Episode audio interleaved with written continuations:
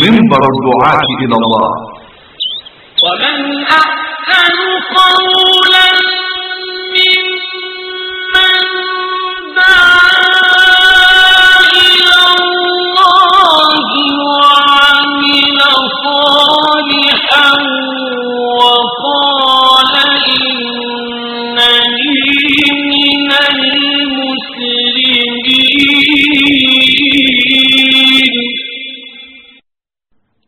الله رب العالمين. حمد عباده الشاكرين الذاكرين وأشهد أن لا إله إلا الله ولي الصالحين وأن سيدنا محمدا عبده ورسوله. اللهم صل وسلم وبارك عليك يا سيدي يا رسول الله صلاة وسلاما دائمين متلازمين إلى يوم الدين. ثم أما بعد أحبتي في الله أحييكم جميعا بتحيه الإسلام. فالسلام عليكم ورحمة الله تعالى وبركاته. طبتم وطاب ممشاكم وتبوأتم من الجنة مقعدا إن شاء الله رب العالمين. وبارك الله في كل يد تمتد لتعتني بكل ما يحيط بعلوم القرآن وبكتاب الله الذي لا يأتيه الباطل من بين يديه ولا من خلفه. وجزى الله خيرا سمو الشيخ محمد بن راشد راعي الجائزة حفظه الله. وكل العاملين في هذه المؤسسة التي بدأت عملاقة. ولا أريد أن أخص بالذكر سواء أخي الكريم المستشار إبراهيم بوملحه رئيس الجائزة وإخوانه العاملين معه. ويعني أدعو الله عز وجل أن يجعل كل ما يعملون آه، في هذه الجائزة كل ما يفعلون من أجل إعلاء كلمة الله سبحانه وتعالى وإفهام كلام الله سبحانه وتعالى لخلقه واستضافة كثير من الإخوة والزملاء والأبناء من الدعاة المخلصين الذين نحبهم جميعا لاثراء هذه يعني المعاني القيمة في شهر القرآن الذي أنزل فيه القرآن. وكي لا أطيل في مقدمات أو في مقدمة طويلة آه، أدخل إلى المحاضرة آه، يعني راسا وأقول عظمة سيدنا محمد صلى الله عليه وسلم تكمن في رحمته بالبشرية. وتكمن في أنه أعلى قيمة الإنسان.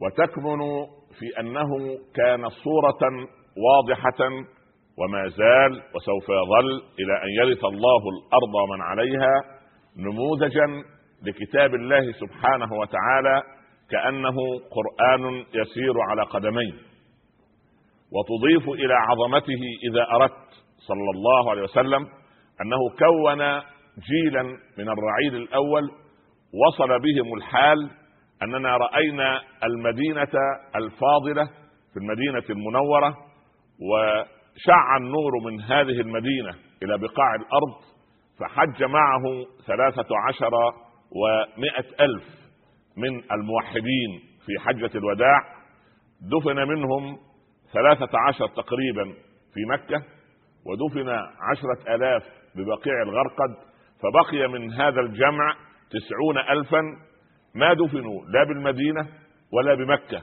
فإذا بحثت مستقرئا التاريخ وفي أضابير التاريخ وأوراقه وجدت ورأيت أن هؤلاء التسعين ألفا قد انساحوا في أرض الله يبلغون كلام الله سبحانه وتعالى حتى وصل عدد المسلمين اليوم إلى ما يقترب من المليار والنصف مليار يقطن أوروبا وحدها ثلاثون مليونا من المسلمين وفي أمريكا الشمالية والجنوبية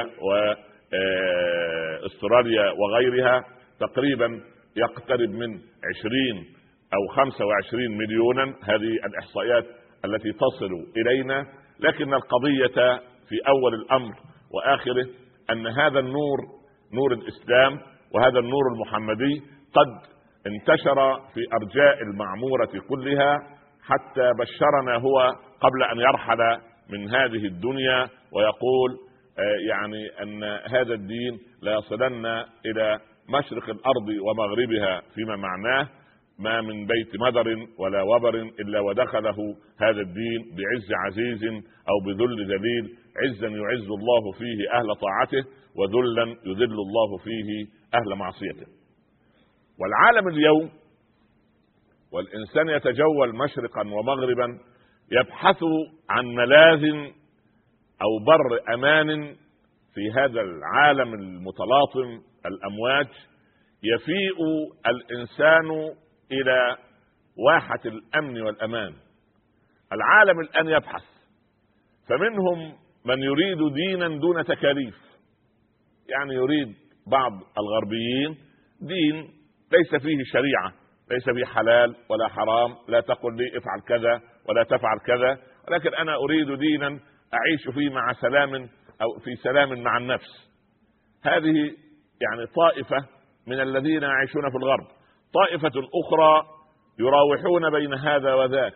طائفة ثالثة لم نوصل نحن وهذه الكارثة الكبرى ما تركه لنا صلى الله عليه وسلم حيث تركنا على المحجة البيضاء ليلها كنهارها لا يزيغ عنها إلا هالك ما ظهرت نعمة الإسلام علينا أو ما أظهرنا نحن نعمة الإسلام علينا فرآنا الآخر أننا يعني أمة قد تكون متخلفة امه لا تجي لا, لا, لا تحب التقدم ونسي العالم ما قدمه سلفنا الصالح من تقدم وحضارة.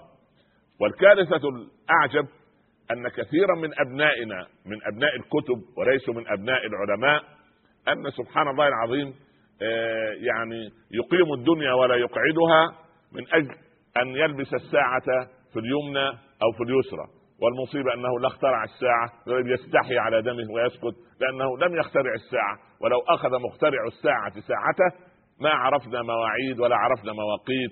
ولكن يجب أن نشكر للناس اختراعاتهم التي أخذوها من الفتات المتساقط حول موائدنا وكان الحاكم الغربي في عصور الازدهار الإسلامي إذا أراد أن يثبت لشعبه ولحاشيته أنه يجيد العلم ويجيد لغة الحضارة يضع بين كلماته وبين طيات كلماته كلمات عربية ليثبت لمن يحيط به أنه يفقه لغة الحضارة ولغة التقدم ولغة العلم كما يصنع دائما المهزوم أمام المنتصر والمغلوب أمام الغالب وكما نصنع نحن ويضع أبناؤنا ألفاظ عجيبة يعني من لغات لا نعرف أصولها وليست من أدبياتنا ويطعمون بها كلامنا وللأسف الشديد فبدأت تبهت أمام المسلم أو المتمسلم قوة اللغة العربية التي جاء بها أو يعني القرآن الكريم ونطق بها الرسول العربي الأمين صلى الله عليه وسلم الذي كان رحمة للعالمين. فإذا قلت أنا لولدي اليوم مثلا أو أنت تقول لابنتك يا ابنتي ناوليني هذا الحاكوم. سوف تفغر البنت فمها. وتقول الزوجة ربما الزوج من كثرة أو من الصيام بدأ عقله يعني يأتي بكلمات لا يعرف معناها. لكن إذا ترجمت لكم كلمة الحاكوم يعني الريموت كنترول فإذا قال رجل لابنه أعطيني الحاكوم يعني الذي يتحكم قال مجمع اللغة العربية هذا هو الذي نتحكم به في فتح التلفاز وإغلاقه. في فتح الشاشة وإغلاقها. قال العلماء علماء اللغة دعونا نقول كلمة الحكوم. لكن هي ثقيلة على أذن أبنائنا وثقيلة على أذن بناتنا لأن من سنوات وضعت كلمة الحاسوب بدأت الأذن تلتقط وبدأ الناس يستوعبون كلمة الحاسوب وبدأت لا تلفظ من أذن الكثيرين وأصبحت لغة كثيرة موجودة في الصحف والمجلات وهذا شيء طيب. فما تكرر تقرر. ما تكرر تقرر. كرروا علينا أن دينكم دين إرهابي. أي إنسان مسلم يبدأ في الكلام يقول ليس دين دينا إرهابي أنا لست من الإرهابيين وكأننا ندافع عن حقيقة كائنة. دع هذا عنك وما عليك إلا أن تظهر عظمة الإسلام وتظهر عظمة الرحمة العليا التي يعني أعطاها لنا رب العباد في شخص رسولنا صلى الله عليه وسلم. فماذا قدم عليه الصلاة والسلام لهذه البشرية؟ تعالوا لنسرد عناوين لأن وقت المحاضره لا يأذن ولا يسمح بأن يعني نسهب في شرحنا وأن نخوض في تفصيلات أنتم أعلم بها مني بفضل الله سبحانه وتعالى. أول شيء تستطيع أن تلحظ أن النبي صلى الله عليه وسلم يعني قدم لهذه البشرية التعيسة قدم صورة الإنسان الذي خلقه الله عزيزا لا يطأطئ رأسه إلا لخالقه. فقط. لأن الإسلام عندما جاء جاء والمجتمع العربي فيه الطبقية. والآن أحد المنظرين القساوسة الأمريكان يقولون إن عصرنا الذي نعيش فيه الآن منذ خمسين سنة يشبه تماما العصر الذي سبق إرسال محمد بن عبد الله صلى الله عليه وسلم ويقول هذا القس المنظر سبحان الله أن العالم يجب أن يؤوب إلى ما جاء به محمد بن عبد الله مرة أخرى حتى تنقذ البشرية من الويلات التي سوف تحيق بها.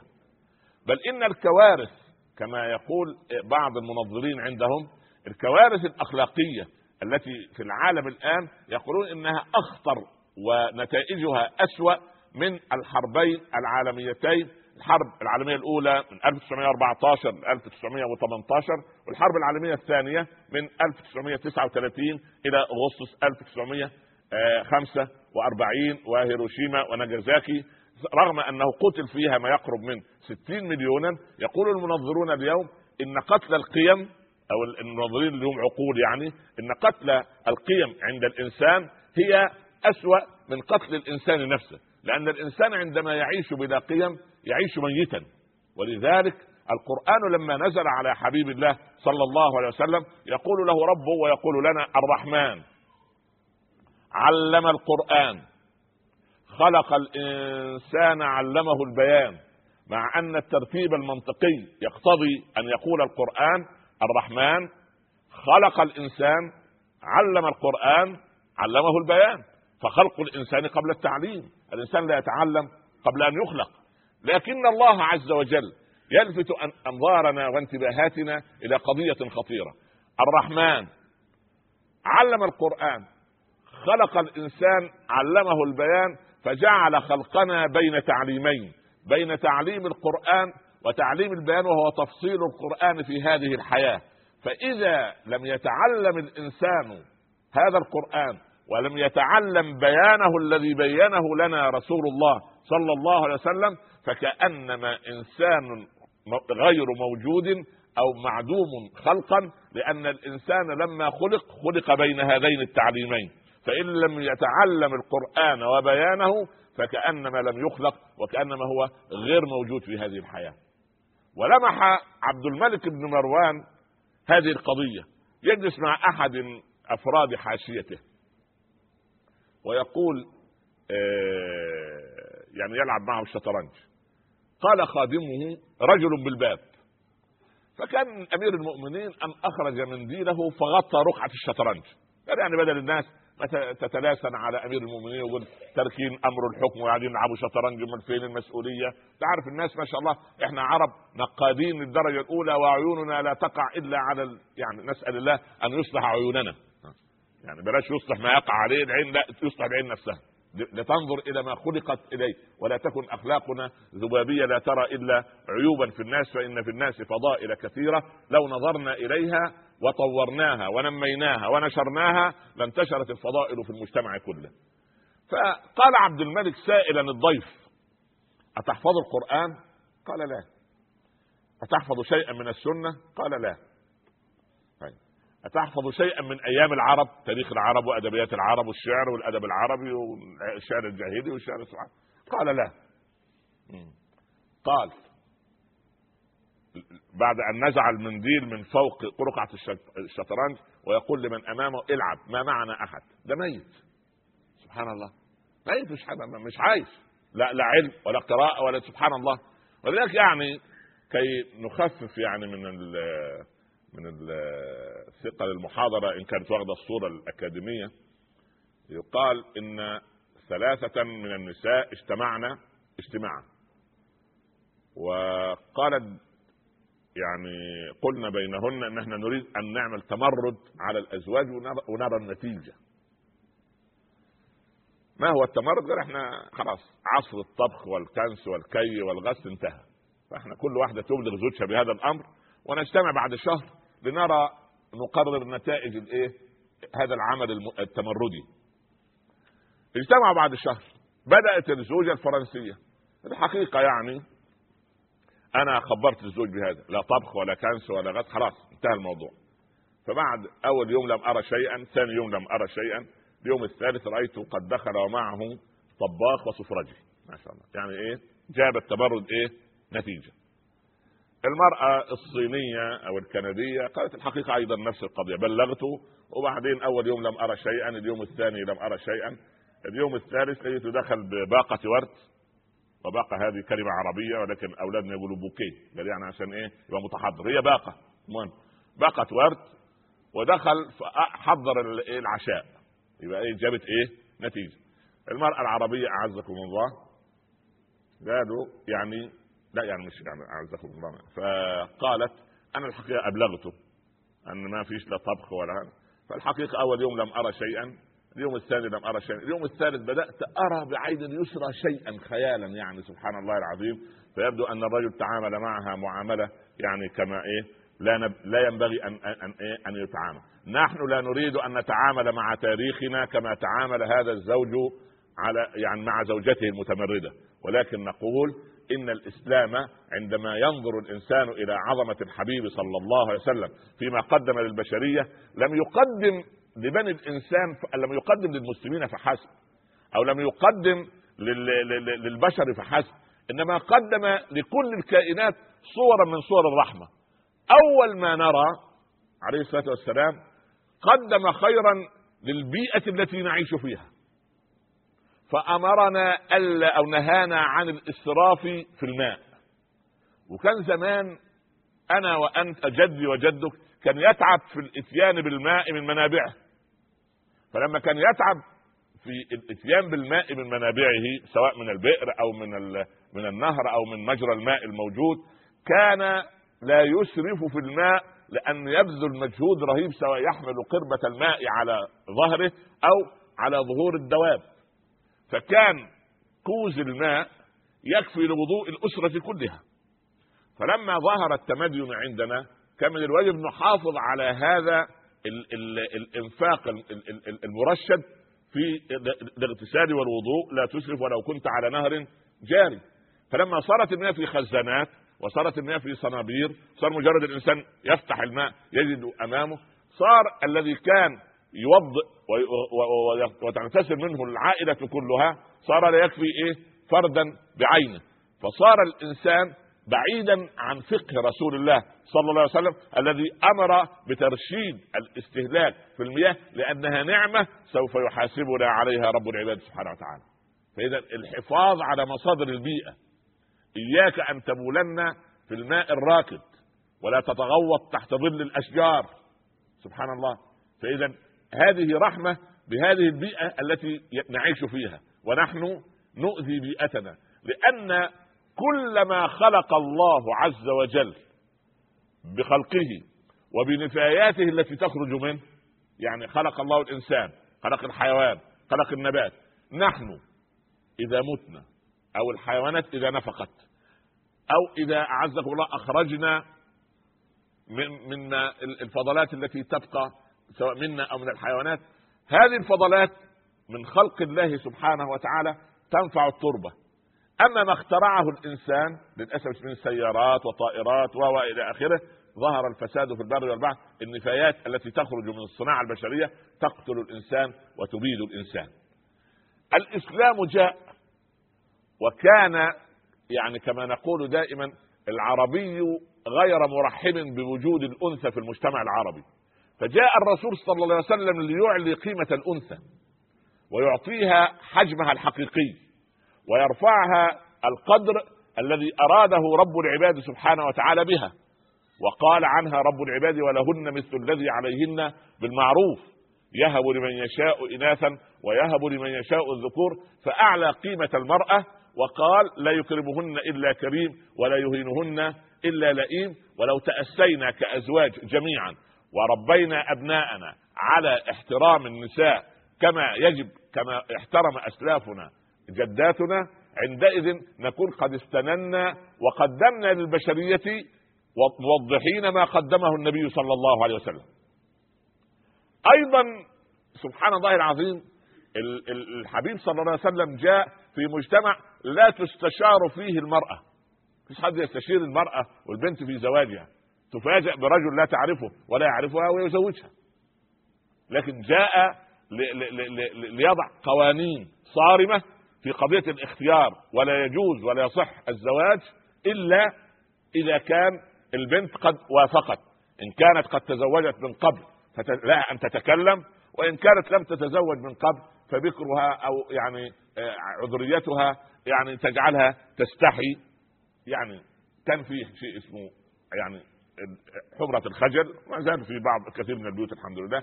كانت عند البنت وإذا ذكر الزواج امامها كانت تولي من أمام آه، يعني آه، أو تختفي من من وجه أبيها لأنها تستحي أن تتحدث أو يتحدث إليها في هذا الكلام. لكن يعني الحمد لله رب العالمين الآن بناتنا يعني ما شاء الله آه، لا يعني وربما لا نلحق أن نعرض عليها وربما تعرض علينا هي. لكن على كل ما شاء الله سواء كده أو كده القضية في الإسلام تقتضي ألا يقوم ولا يكون هذا الزواج إلا برضا منها.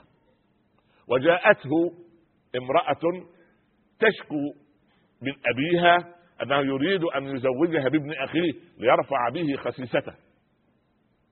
فلما سمع الرسول صلى الله عليه وسلم شكايتها أعطاها ما تريد لكي نقرر نحن أننا لا يجب ابدا أن نقهر بناتنا على زو- زواج معين أو أن نستحي أن نعرض بناتنا كزوجات على شباب صالحين. وهذه صنعها عمر رضي الله عنه ونحن لسنا أغير من عمر ولا أفضل من عمر رضوان الله عليه. لما تأيمت حفصة عرضها كما تعلمون على صديق أبي بكر وعرضها على عثمان. فلما أعرض الاثنان سكت أبو بكر وقال عثمان أنا لا أتزوج ذهب فاشتكاهما إلى رسول الله صلى الله عليه وسلم قال يتزوج حفصة من هو خير من أبي بكر وخير من عثمان؟ وتزوجها النبي صلى الله عليه وسلم. من منا عنده المقدرة الإيمانية وليست العادات العربية أن يرى شابا صالحا في المسجد أو في العمل ويقول يا بني تزوجت؟ والله لك عندي زوج. أنحن أفضل من سعيد بن المسيب؟ سعيد لما طرق باب عبد الله بن أبي وداعة لما كان اختفى عن المسجد أياما وعلم أستاذ سعيد بن المسيب كبير التابعين أن زوجة عبد الله هذا الفقير التلميذ الفقير ماتت. فعندئذ ما كان من سعيد إلا أن يحكي عبد الله بن أبي وداعة ويقول طرق بابي بعد العشاء طارق. قلت من؟ قال سعيد. قال فخطر ببالي كل سعيد إلا سعيد بن المسيب ليه؟ لأن سعيد بن المسيب ظل أربعين سنة من البيت إلى المسجد ومن المسجد إلى البيت ما رأى فيها قفا مصلي. أين سعيد هذا؟ فالمهم سعيد بن المسيب جاء بابنته عائشة التي طلبها أمير المؤمنين لولده فأبى سعيد وأراد أن يزوج عبد الله بن أبي وداعه ولما علم الجيران أن هناك عرس سوف يتم بعد لحظات في جمهرة من المصلين ومريد سعيد بن المسيب وكان من أفضل الأعراس. وعند الصباح غادر العريس وعروسه قالت إلى أين؟ قال إلى مجلس سعيد. رايح أحضر رايح أحضر مجلس سعيد بن المسيب قالت اجلس اعلمك علم سعيد فوجد عندها علم سعيد كله. وجاءت هذه التابعية التي زوجها أبوها من رجل صالح فقالت له في ليلة البناء أنا أريد أن أخطب خطبة. وبعدين أنا تزوجت شيخ الإسلام اخطبي خطبة رجل الشيخ العربي أول ما يلاقي ميكروفون الله أكبر ولا شيء مرتفع. ما شاء الله لا قوة إلا بالله فالمهم وقفت على مصطبة مرتفعة كده و... وقالت أحمد الله رب العالمين خطبه بحق حبيبي أم- أما بعد. المهم خلينا في اما بعد. يا أبا عبد الله أنا لا أعرفك وأنت لا تعرفني.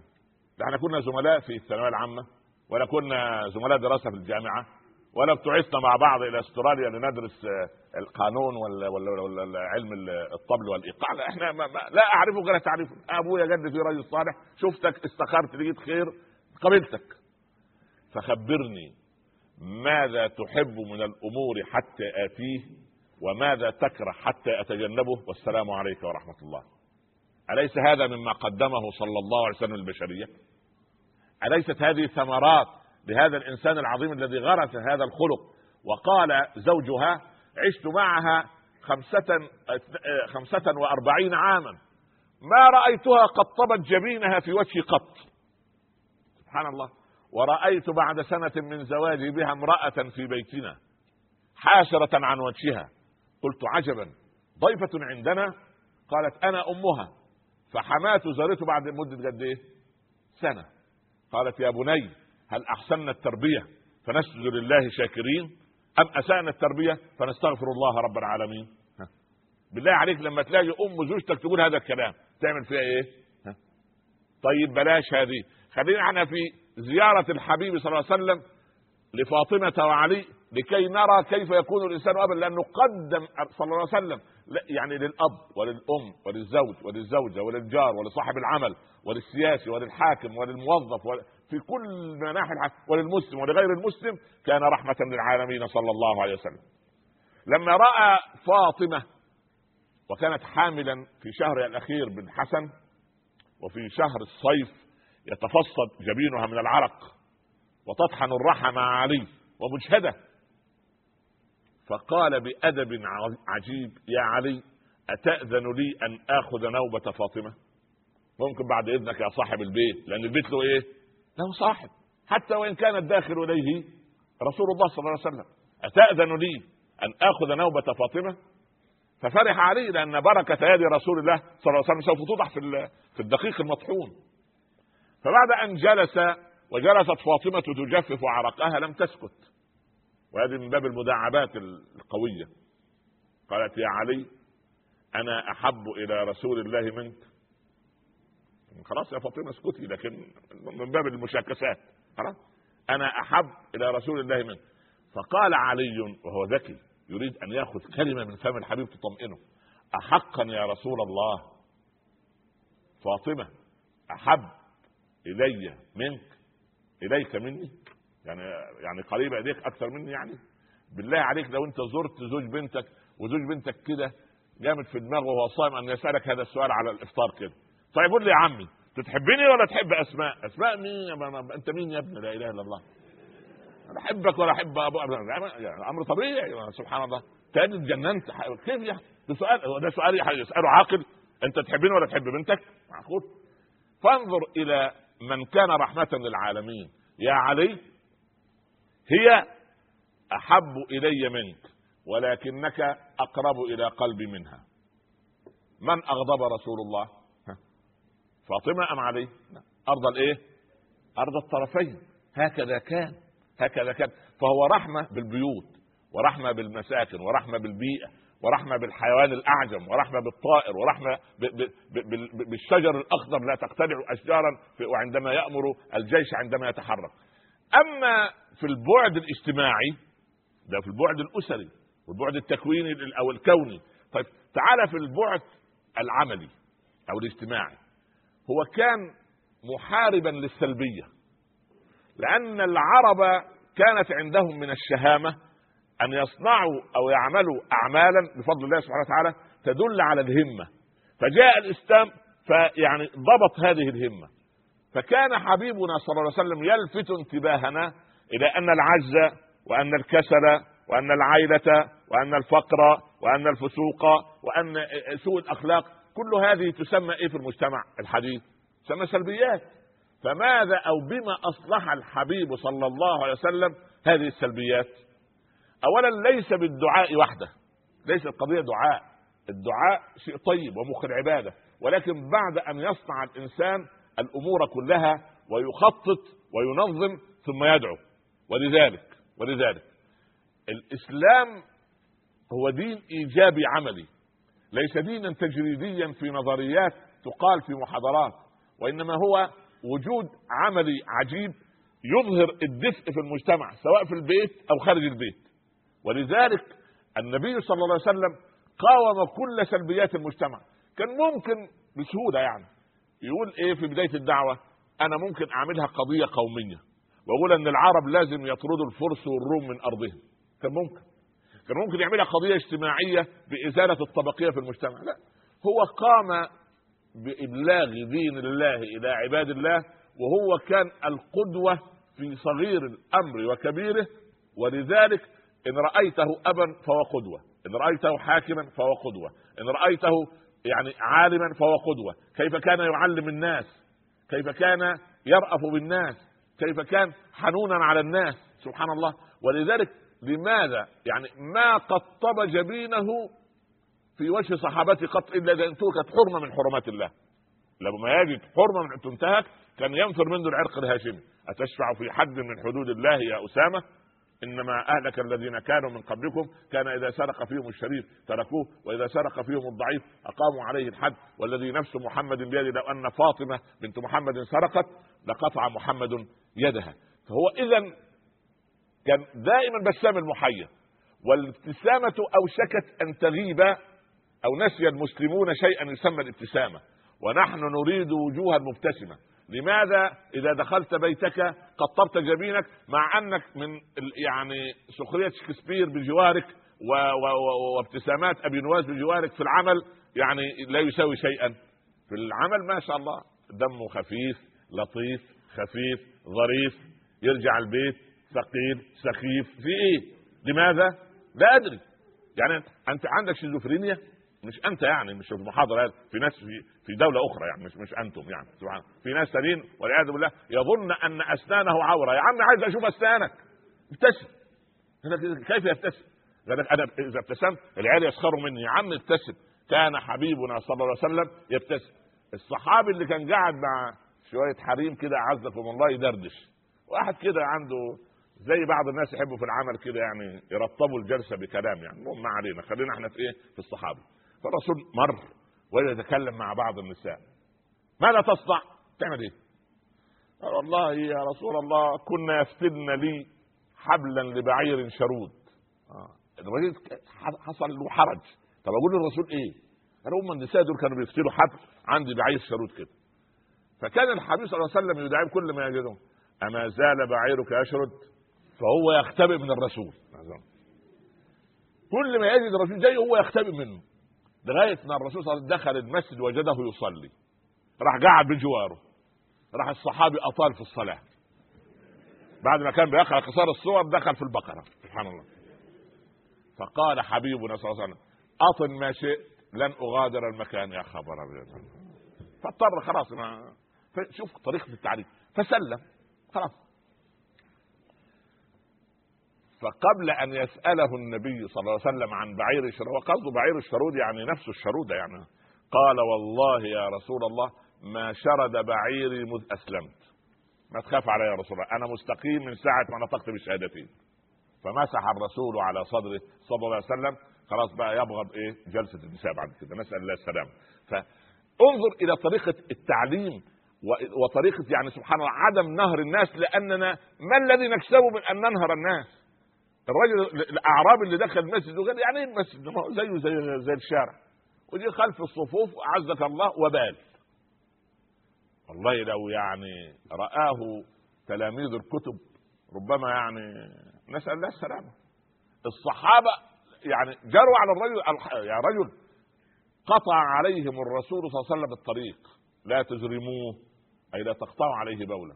فنظر حتى ستر الرجل نفسه. وبعد ما ستر نفسه. وضع يده على كتفه. قضية الملامسة دي في علم النفس الآن مهمة جدا. قال علماؤنا علماء الناس يقول لك أن المرأة تحتاج منك زوجة يعني وبنتك تحتاج إلى خمس مجاملات في اليوم. احسب كده كم مجاملة جاملتها من 25 سنة؟ هم ثلاثة. يوم ابتسمت يوم رحت تخطبها وابتسمت يوم العقد وضاعت الابتسامة الثالثة ما أعرفش راحت فين. المهم فهو تحتاج إلى خمس مجاملات والله هذا علم والله خمس مجاملات بعدد الصلوات الخمس. كأن الصلوات الخمس فرض ومن تحبب الزوج إلى زوجته أن يجاملها خمس مجاملات.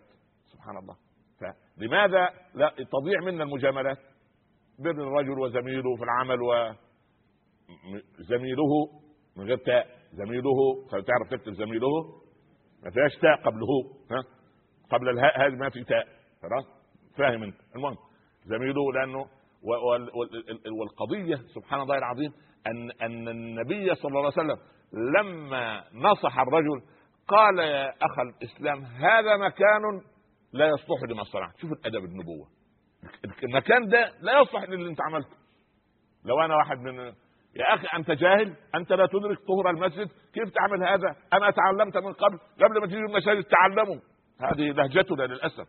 لكن انظر إلى كلام الحبيب. هذا مكان لا يصلح لما صنعت. فالرجل مقارنة بين رقة الأستاذ وغلظة التلاميذ قال اللهم ارحمني ومحمدا ولا ترحم أحدا من بعدنا. الناس دول ما يستحقوا رحمة. هو يعني كان الرجل من شدة ما رأى من غلظه أو من تهور واندفاع الصحابة إذا بالنبي صلى الله عليه وسلم حجرت واسعا يا أخ الإسلام قل اللهم ارحمنا فإنك بنا رحم اذا قضية أن نعلم أن نربي كان يحمل الحسن والحسين ويلعب بلسانه لهما حتى يحاول الحسن أو الحسين أن يمسك بلسانه الشريف صلى الله عليه وسلم. فيه ناس عندنا تأبى أن يحمل الطفل يقول لك أحمل الطفل وأنا يا أخي يعني شيء يعني يقلل من رجولاتي أبدا والله. كلما رأينا من يحن على الضعيف وعلى الطفل وعلى المريض وعلى الأرملة وعلى المطلقة وعلى اليتامى وعلى هؤلاء تعرف أن في هذا قلبه فيه ما قدمه صلى الله عليه وسلم للبشرية. هل اكتفى صلى الله عليه وسلم بأن يقدم بذاته؟ وأعظم ما قدمه هذا الجيل الفريد الذي تستطيع أن تطلق عليهم ملائكة البشر الذين قدموا المثالية الواقعية أو الواقعية المثالية. كان مجتمع قريب من المثالية ولكنه مجتمع واقعي لأننا رأيناه. لأننا نشعر بعمر يتحرك ابن الخطاب وعثمان يجهز جيش العسرة وعلي في جنباته يتفجر العلم وأبو ذر يرفع عقيرته بقول الحق وسعد بن أبي وقاص يقاتل في سبيل الله ولا يريد أن يدع ورثته. عال يتكففون الحي وعبد الرحمن بن عوف يعني كبير التجار وأنا أرى برأيي الضعيف إن ابن عوف لو كان حيا في أيامنا كان يعمل مثلا أكبر مصنع لإنتاج الحاسبات الآلية في العالم. أكيد أكيد كده. عثمان بن عفان كان يعمل أكبر ترسانة بحرية بأمواله وملياراته اللي كانت يعني تغزو وتصل إلى الشواطئ يمنة ويسرى وأبو بكر الصديق أرى أنه كان يعين كل الشعوب المغلوبة على أمرها لأنه كان محرر العبيد رضوان الله عليه. يعني بهذا المنطق أرى طلحة والزبير وكل هؤلاء الغر الميامين أرى أن كل واحد منهم بصمة عجيبة. والأعجب من هذا مجموعة النساء الصحابيات الجليلات التي رأينا منهن عجبا سواء في الحروب وسواء في أن أن الصحابي وهو ذاهب المعركة ما لا ولولت ولا صرخت إلى أين تذهب وإلى أين تتركنا؟ نحن مساكين الأولاد اللي يحتاجوا البيت يحرم. هذه زوجة أبي الدحداح. وكلكم يحفظ القصة. المصيبة أننا حفظة لكن التطبيق هو المصيبة والكارثة هو الذي لا نطبقه. لما سمع أبو الدحداح أن أن الله يستقرضنا. يستقرضنا ربنا من ذا الذي يقرض الله قرضا حسنا؟ قال بلى يا أبا الدحداح. قال أقرضت ربي بستانا. القصة مش في أبي الدحداح اللي خدته الحميه واستشرت معه الآية واستشعرها فتصدق بالبستان. لا. ده هو ذهب وجد أم الدحداح داخل البستان. وأطفالها معها. يا أم الدحداح. اخرجي أطفالك لقد أخرجناه لله رب العالمين. البستان هذا. ماذا رد بما ردت المرأة المفاجأة بالبستان الوحيد الذي يملكونه؟ ربح البيع أبا الدحداح ربح البيع أبا الدحداح. طب أنا عايزك ترجع البيت كده إن شاء الله الآن. اترك السيارة قدام ندوة الثقافة والعلوم وارجع لأم مصطفى. قول لها بقول لك إيه؟ أقرضنا السيارة لله. وبكرة أبو سعيد هيقرأ لنا في صفحة الحوادث ماذا يتم المهم سبحان الله. ما علينا. فالمهم قارن بين أناس يستمتعون بالحكايات وأناس طبقوا هذا الأمر عمليا. يعني فيه ناس إحنا إحنا نسمع القصص. جميل. ونحفظه. هذا أجمل. ولكن أجمل من هذا كله أن نطبق. أنا لا أقول لك تبرع بالسيارة. ابدا. ولكن يعني سبحان الله العظيم الرجل دخل على أبي نواس. قال أعطني رغيفا. قال لا ليس عندي خبز. طب كوب ماء قال ليس عندي. طب تمرة ما فيش تمرة. درهم ما ليس هناك درهم. فالفقير اغتاظ وكان فقيه. فقال أين الذين كانوا يؤثرون على أنفسهم ولو كان بهم خصاصة؟ أبو نصر رد عليه ذهبوا مع الذين كانوا لا يسألون الناس الحافه ده الشحات فقيه والرجل والبخيل أفقه والقضية فقه في فقه سبحان الله. فالمسألة أغرب من الخيال بهذا المنطق. ولذلك لما لما لما تستقرئ تاريخ الصحابة ترى ما تركه النبي صلى الله عليه وسلم وما صنعه لهذه البشرية. ولذلك عظماء في التاريخ زي برنارد شو أو فولتير أو لامارتين أو هؤلاء أو جوته سبحان الله. جوته يقول أنه كان لما أكمل سبعين سنة الشاعر الألماني الشهير ولما تقرأ شعره تجد فيه صفاء فطري عجيب وإحنا لا ننكر الآخر إذا كان عنده قيم ومبادئ.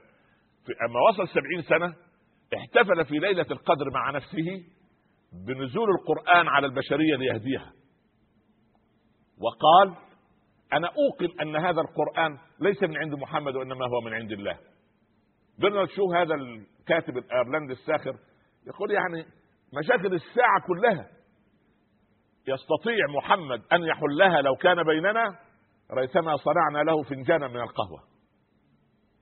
الأغرب من الخيال كارل ماركس. كارل ماركس كان مقتنعا عجيب كان مقتنعا بنبوة النبي صلى الله عليه وسلم وبالقرآن الذي نزل عليه والصلاح البشرية فيما جاء به محمد. وهو أصلا كارل ماركس لا إله والحياة مادة. هم ناس عندهم عدم عدم توازن ما بين ما بين الداخل والخارج. يقول كلاما لكن في الفطرة سبحان الله العظيم الفطرة لا تكذب ابدا والفطرة لا يستطيع الإنسان أن يكذبها لأنها عبارة عن انضباطها مع توحيد الله سبحانه وتعالى. ماذا قدم النبي صلى الله عليه وسلم لقضية الفقر؟ كلنا يحفظ القصة. جاءه رجل فقير يتكفف الحاجة قال له أما في بيتك شيء؟ قال ما لنا إلا قعب نشرب فيه الماء وحلس نفرش بعضه ونلتحف ببعضه. قال ائتني بهما. فلما جاء بهما قال من يشتري هذين؟ قال رجل أنا اشتريهما بدرهم يا رسول الله؟ قال من يزيد؟ عشان المزاد يبقى حلال. قال أنا اشتريهما بدرهمين أخذ الدرهمين. أعطى الرجل الدرهمين قال له اشتري لأولادك طعام وبالدرهم الآخر رأس فأس. وتعالى. جاء الرجل وضع الرسول صلى الله عليه وسلم غصن أو فرع شجرة في رأس الفأس ثم قال له اذهب واختطب خمسة عشر يوما ولا أرى ولا أرينك في هذه المدة. عاد الرجل ومعه مال كثير. ماذا قال له؟ قال هذا خير لك أن تسأل الناس أعطوك أم منعوك. إن المسألة لا تحل إلا لذي فقر مدقع أو لذي غرم مفضع أو لذي دم نوجع إن المسألة تأتي نكتة سوداء في وجه صاحبها يوم القيامة. إذا وضع حل للفقر. طب ممكن كل سنة يأتي هذا الإنسان نعطيه أو كل شهر طب هو يستطيع أن يعمل؟ يبقى لا نعطيه لا نشجعه على فقره.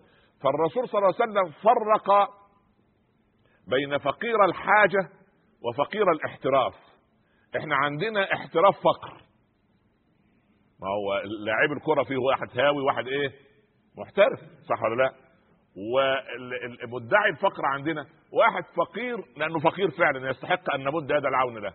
وده لا يسأل الناس الحافا من أقاربك والموظف محترم ما شاء الله عليه ولكن يحسبه الجاهد أغنياء من التعفف ده أوصل إليه المال بعزة وأوصل إليه صدقتك بإعزاز نفس أما فقير الاحتراف ده فقير محترف.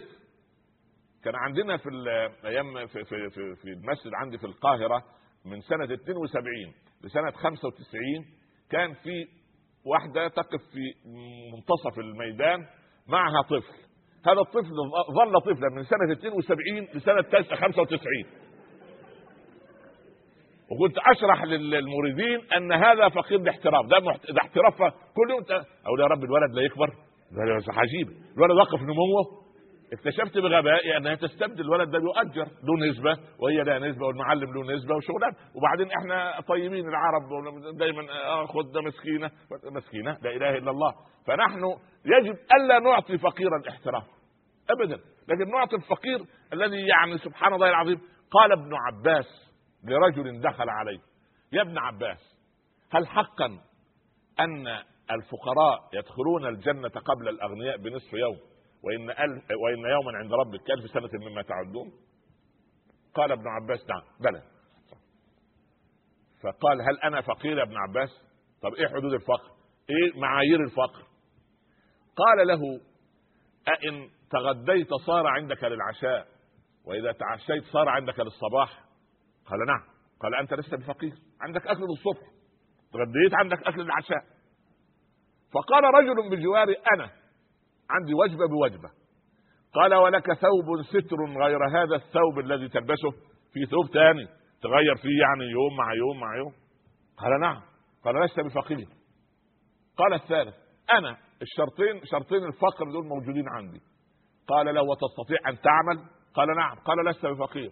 قال الرابع أنا؟ قال إن استقرضت الناس أقرضوك؟ قال نعم. يبقى يقرضوك عشان أنت عندك. قال الخامس أنا ان تغديت ما أصبح عندي ما, بات عندي العشاء وإن تعشيت ما بات عندي للصباح وليس لي إلا هذا الثوب الذي ألبسه وإذا استقرضت الناس ما أقرضوني وأنا عاجز لا أستطيع العمل. قال له وتبيت عن ربك راضيا وتصبح راضيا. عمق آخر عمق روحي آخر يراه الإسلام. هذا ابن عباس التلميذ الكبير لخير البرية صلى الله عليه وسلم. يقول الرجل نعم أبيت عن ربي راضيا وأصبح راضيا. قال أنت من الذين يدخلون الجنة قبل الأغنياء بنصف يوم طب وليه الفقراء يدخلوا قبل الأغنياء بنصف يوم لأن الغني لازم يحاسب على ماله. من أين اكتسبه؟ وفيما أنفقه. وضرب المثال بسيط. جبت ابنك الأول الصباح أعطيت واحد ألف درهم أو عارف قول عشرة ألاف درهم. والآخر أعطيته خمس دراهم. ولكل واحد ينفق المبلغ اللي معاه ويجي ساعة المغرب نحاسبكم. وتأتي بحفرة تعمل فيها نار وتضع عليها حديدة ساخنة ويقف الأول حافي القدمين جبت إيه يا ولد بالخمسة درهم؟ رغيف الخبز ويجري صح ولا لا؟ الثاني واشتريت كذا واشتريت كذا واشتريت نحاسب في حساب. لذلك الغني الشاكر خير عند الله من الفقير الصابر هذا ما قدمه سيدنا محمد صلى الله عليه وسلم لهذه البشرية بأن أفهمنا أن الإسلام لا يميز غني ولا يميز فقير، الإسلام للغني وللفقير، ولكن هناك غني يشكر وهناك فقير يصبر. ما سمعنا من أبي بكر مرة أن قابل بلال يا بلال إيه رأيك في الحرية؟ مش الحرية أحسن من العبودية برضه؟ صح ولا لا؟ آه خلي بالك شوف أنت وأولادك أحرار أنت لو لو أحررك شوف أولادك وأحفادك يظلوا عبيد لأبي جهل ابدا. ابدا. ويأتي عمر ليفجر لنا مفاجأة. يقول أبو بكر سيدنا وأعتق سيدنا. الله. إيه هؤلاء تلاميذ محمد صلى الله عليه وسلم بهذه العظمة. يعني بلال هذا نعم.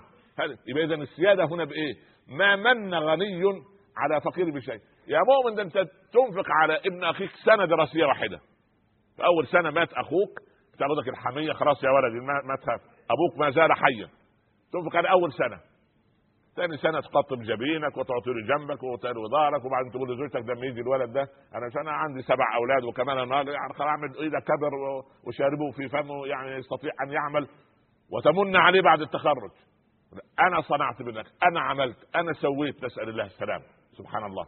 ولذلك ولذلك ما من غني من الصحابة على أخيه أو أو الأنصار. منوا على المهاجرين إحنا استقبلناكم واستضيفناكم وأعطيناكم بيوت وأعطيناكم حد وثبت لي باستقرائي للتاريخ أن لا واحد من المهاجرين الذين عرض عليهم إخوانهم الأنصار بيوتهم وبساتينهم وأموالهم أنهم أخذوا من إخوانهم الأنصار شيئا. سبحان الله. ما أخذوا.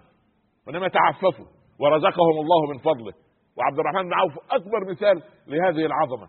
قال إن الرسول قد دعا لي اللهم بارك لعبد الرحمن في صفقة يمينه كان معه أربع دنانير لا غير وذهب إلى السوق يحتل مليارديرات اليهود. وبعد أن مات عبد الرحمن مجلت أيدي العمال يعني يعني يعني الفؤوس أثرت فيها والجلود تشققت من كثرة تكسيرهم لسبائك الذهب التي تركها. وورثت زوجته الرابعة اثنين مليون دينار ذهب. وهي تمثل في التركة ربع التمن واحد إلى 32 واحد إلى 32 خدت 2 مليون. يبقى تركة عبد الرحمن بن عوف بلغة العصر 64 مليون دينار ذهب. من كم سنة؟ دي ميزانية أمريكا. سبحان الله. تركها عبد الرحمن. لماذا؟ لأنه رجل كان ربما لما كان يحول عليه الحول لا تجب الزكاة في ماله. ليه؟ لأنه يخرج الزكاة اولا بأول اولا بأول. أول فلا يبقى عنده ما يزكى عليه. يعني دائما مع الله. عثمان بن عفان يأتيه التجار يقول لا لا لا جاءني من يعطيني ضعف جاءني من يعطيني أكثر. يرفعوا ثلاثة أضعاف. قالوا ما في ما في المدينة تجار غيرنا. ما فيش.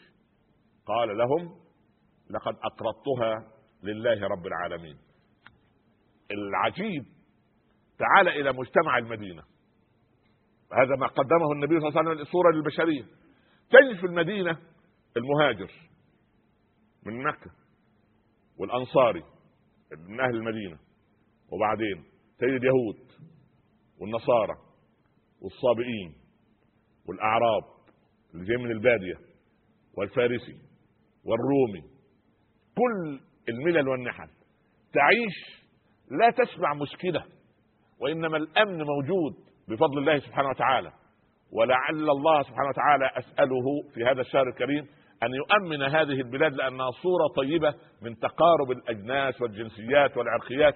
تعيش كلها في كنف يعني ناس يعرفون العدل بفضل الله بارك الله فيهم وهذه شهاده أشهد الله عليها في رمضان وأشهد بها أمام الله سبحانه وتعالى. هذا مجتمع آمن نسأل الله ألا يهز الأمن فيه ابدا ونسأل الله أن يؤمنه لأن سبحان الله هذا التناسق لكن في نقطة كبيرة. ما جاء أحد إلى المدينة إلا وقام أهل المدينة بعرض الإسلام عرضا سلوكيا أمامه فأسلم.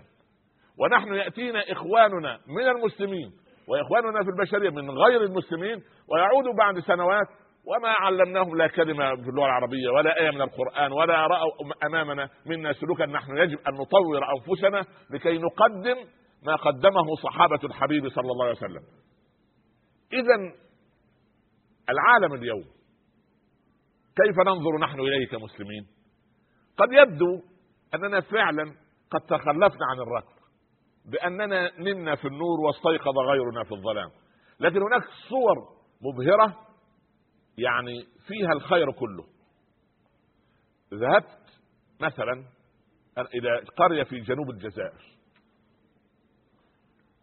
وقيل لي إن هذه القرية ليس فيها محفظ القرآن واحد. وتعجبت. لماذا؟ قالوا لأن كل القرية حفظة. والأم تجعل ولدها يجلس على عتبة الباب ويرفع عقيرته بما يسمعه. فإن أخطأ ولحن في حكم من أحكام التلاوة رده اي عابر أو اي عابره لأن الرجال والنساء وكلهم حفظة. هذا شيء يعني شيء, شيء طيب. هذه الجائزة التي بيننا ونرى القراء الولد طب في بعض الناس تعال أسألهم في الجائزة إن شاء الله قول له ما اسمك؟ لا يفهم. لو كلمته بالإنجليزية لا يفهم بالعربية لا بالفرنسية لا, لا يتكلم إلا لغته ولكن لا يلحن في لحن من أحكام التلاوة. أليس هذا ما قدمه محمد صلى الله عليه وسلم للبشريه ده شيء شيء يعني يعني شيء غريب عجيب. ما الذي قوم لسانه في هذا القرآن الذي نلحن نحن فيه كعرب؟ ال ال ال امرأة عجوز جارة للشافعي في مصر تذهب لزيارته في مرض موته. وبعدين قالت يا شافعي أدعو الله تعالى لك أن يشفيك. قال الشافعي يا ربي يا رب بلسانها لا بقلبها. فقال الذين من حول الشافعي إيه يا شافعي إيه القضية؟ أنت يعني أذنك من؟ تدعو لك بالشفاء؟ قال لا. أدعو الله أن يشفيك يعني يهلكك. ولكن لو وضعت عليها فتحة تبقى إيه؟ يبرئك من سقمك. قال سيدنا إبراهيم وإذا مرضت ها؟ والحمد لله أننا إيه لا نفهم في اللغة العربية. بر وإلا كنا إيه كل واحد يزور عمه اللي خد منه الميراث. يا عمي أدعو الله أن يشفيك. يلا توكل على الله. يعني روح في في, سكة السلام. سبحان الله. من كرم الله أننا لا نفقه في اللغة ولذلك لا يدعو بعضنا على بعض. من كرم الله سبحانه وتعالى. ولذلك ولذلك ال ال ال الصور المضيئة الموجودة في العالم الإسلامي والموجودة حتى في العالم الغربي تنم عن خير كبير. يعني المسلمون المقيمون في الغرب الذين يقدمون اليوم مشروعا حضاريا كبيرا لهذه البشرية التعيسة التي تريد أن تفيء إلى بر السلامة. وهذه الصور النيرة للأسر المسلمة هناك والأسر المسلمة التي تقيم شرع الله سبحانه وتعالى. وتفوق أبنائنا وبناتنا في الجامعات الأوروبية والجامعات الأمريكية صورة كبيرة لما يقدمه أحفاد رسول الله صلى الله عليه وسلم لهذه البشرية. أيضا نحن إذا نظرنا الآن ونقارن بين حالنا كمسلمين وأحوالنا من خمسين سنة الحمد لله رب العالمين نحن في فضل كبير نحن في كرم كبير ده فيه ناس تعيش في بلاد لا تعرف عن الفقه ولا شيء الأخ إمام في في مسجد في في الأسبوع قبل الماضي كنت في ألمانيا يقول يا سيدنا الشيخ جاءني رجل يسألني سؤال شاب يقول يا سيدنا الشيخ أنا والله ركبني جني. قلت لا إله إلا الله هو الجن وصل ألمانيا. طب إزاي؟ سبحان الله. طب كيف خد تأشيرة ده ودخل على المطار فرانكفورت المهم علينا. قال له طيب يا ابني هل عندك سورة البقرة في بيتك؟ قال لا أنا عندي سورة حصان. لا حول ولا قوة إلا بالله. يا ابني سورة سورة بالسين. فالولد يفرق بين السين والصاد دي مش صوره مضيئه ولا بس يعني بس يعني عشان إيه؟ أوضح لك هذا الذي يعني نصحني مرة في بعض في دولة أجنبية وقال ان يا سيدنا الشيخ أنا مجرد دخلت المسجد والإخوة الله يبارك فيهم كل واحد يلصق رجله جنب رجلي أزحزح رجلي رجله خلفي في إيه؟ سألتهم قالوا يا سيدنا يا أستاذ عشان الشيطان لا يدخل بيننا. الكلام ده صحيح يا مولانا؟ قلت له أيوه صحيح ده العجيبة. والله يا جماعة مشايخ أنتوا فكروا شوية شغلوا مخكم. قلت له كيف يعني؟ قال يا ابن الحلال يا شيخ انت شيطان ودخل المسجد. اتركه هتخرجه يمكن ربنا يهديه يا أخي سبحان الله. يا سلام على الحنان بتاعك. لأن الشيطان كتب عليه ما خلاص هو سلك في الطريق راح على النار على النار. لكن لا هو الحنان بتاعه هو لازم يتفلسف علينا والشيطان وشغلانه سبحان الله. والعجيب أن المسلم بعض صور المشينة يعني أن المسلم يعني لا إله إلا الله هو الوحيد اللي يشكو من ركوب الجن. طب ما يكونش العكس ليه؟ سبحان الله.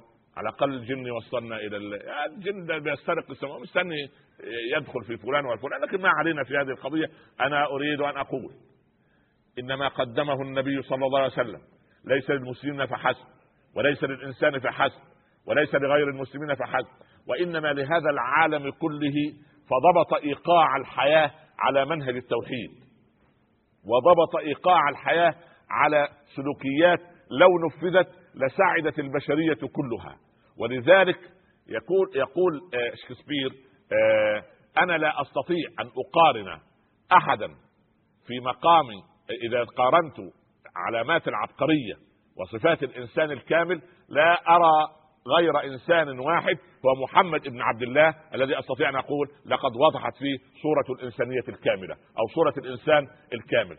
ولذلك لما أنا أريد أن تتصرف أنت كتلميذ وتابع لهذا الإنسان العظيم في بيتك. علت المرأة بصوتها عليك. تجد توتر معين.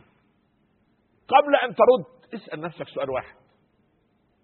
لو كان حبيب الله مكاني صلى الله عليه وسلم يعني ماذا كان يصنع؟ ماذا صنع مع أمنا عائشة لما ضربت بيدها الصحفة فوقعت على الأرض اربا قطعا. ماذا ماذا قال؟ قال غارت أمكم غارت أمكم. انتهت القضية. غارت. هل هذا ضعف من رسول الله عليه الصلاة والسلام؟ ابدا.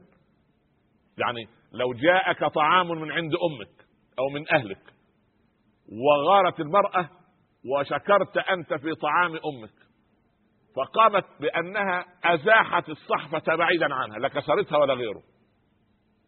ماذا تصنع أنت؟ لماذا لا نستن بسنة الحبيب صلى الله عليه وسلم؟ لماذا؟ سبحان الله. أنت كأب ماذا كان يصنع حبيب الله مع بناته صلى الله عليه وسلم؟ الود. وعندما جاءه عقد خديجة أرسلته ابنته زينب لتفك أسرى ابن خالتها زوجها أبو العاص بن الربيع. بكى النبي واستعبر. لما علم أن هذا عقد خديجة هذا الوفاء الذي ولى من عندنا. والله فيما أذكر شيخنا الشيخ محمد الغزالي كان بعد ما ماتت زوجته بسنوات طويلة ينهى بناته وأولاده اي أي إنسان أن يحرك كرسيا من مكانه يقول هذا كان ديكور وضعته الزوجة رحمة الله عليها وفاء لها نبقي الأمر على ما هو في البيت. هذا مثال عملي لتطبيق الخلف الصالح بما صنعه السلف. سبحان الله. فقضية ان أن قضية الوفاء هذه. أيضا ماذا كان يصنع مع جيرانه؟ أهديتم إلى جارنا اليهودي؟ أنت يسكن أكيد جنبك إنسان غير مسلم. ماذا رأى منك؟ هل طرقت عليه بابه لتسأله ما رأيتك منذ يومين؟ يقول الله هكذا أخلاق المسلمين هكذا. والله يا أخي أنت تهدي إلى الإسلام بكلمة طيبة وبسلوك طيب. يا أخي إخوة لك غير عرب. ويصلون معك في المسجد. يا أخي كل واحد ينوي نيه صادقة في رمضان أن يقول له فلان أنا بعد العصر كل يوم أو بعد العشاء كل يوم أقعد معك ربع ساعة اعلمك كيف تنطق اللغة العربية.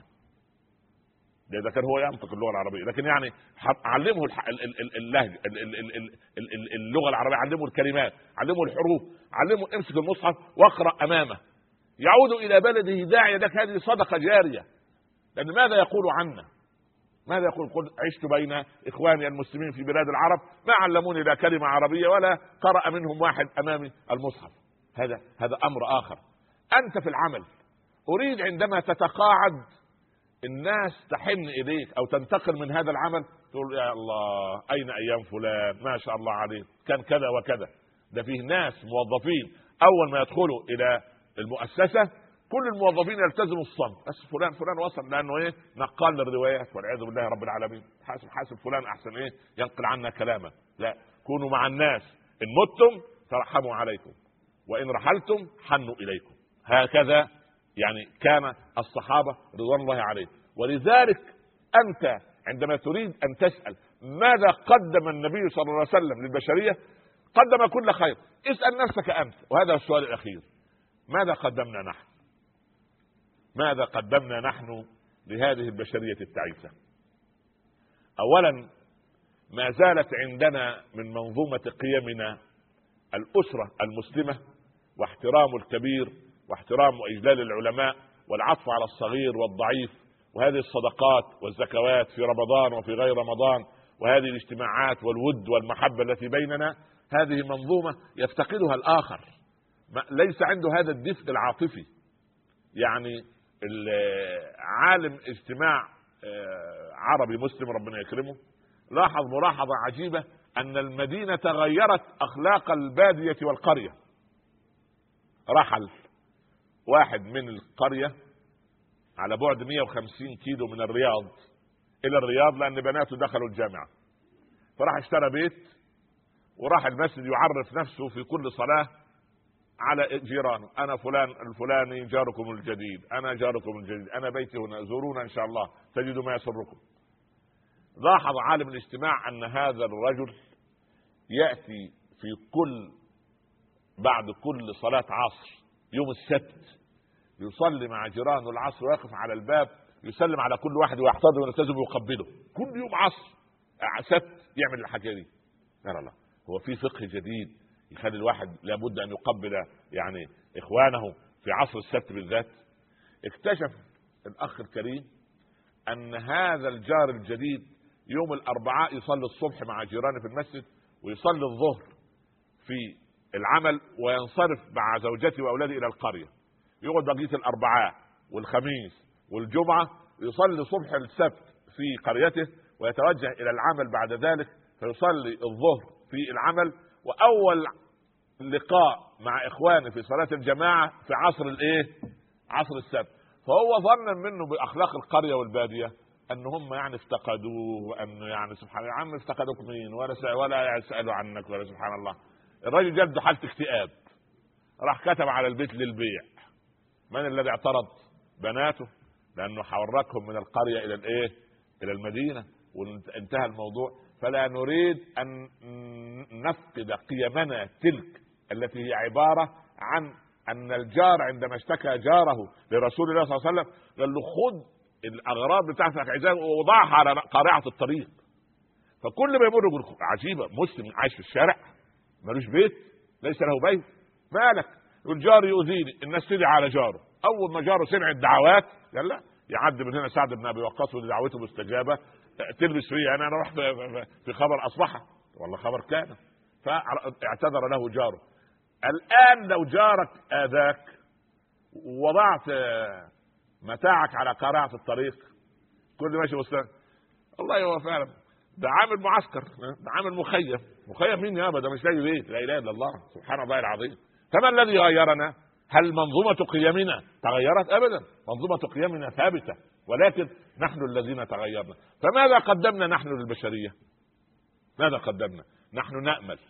إن لم يقدم هذا الجيل فجيلنا جيل أولادنا القادم الذي ربما بذرنا فيه خيرا أن نرى منه الخير ونرى منه حركة عملية لتطبيقه لدين الله سبحانه وتعالى. أن نقدم لهذه البشرية التعيسة مشروعنا الحضاري الإسلامي الكبير من أننا هذه هذا الخلق هذا التواضع هذه المروءة هذه الشهامة هذه القيم والمبادئ التي لا توجد إلا في هذا الدين العظيم. أحبتي في الله قد طوفت بكم يمنة ويسرا ولكن ال الذي قدمه صلى الله عليه وسلم وقدم لنا تلاميذ كبار يرقى مستواهم إلى مصف الملائكة. قدموا لهذه البشرية خيرا كبيرا.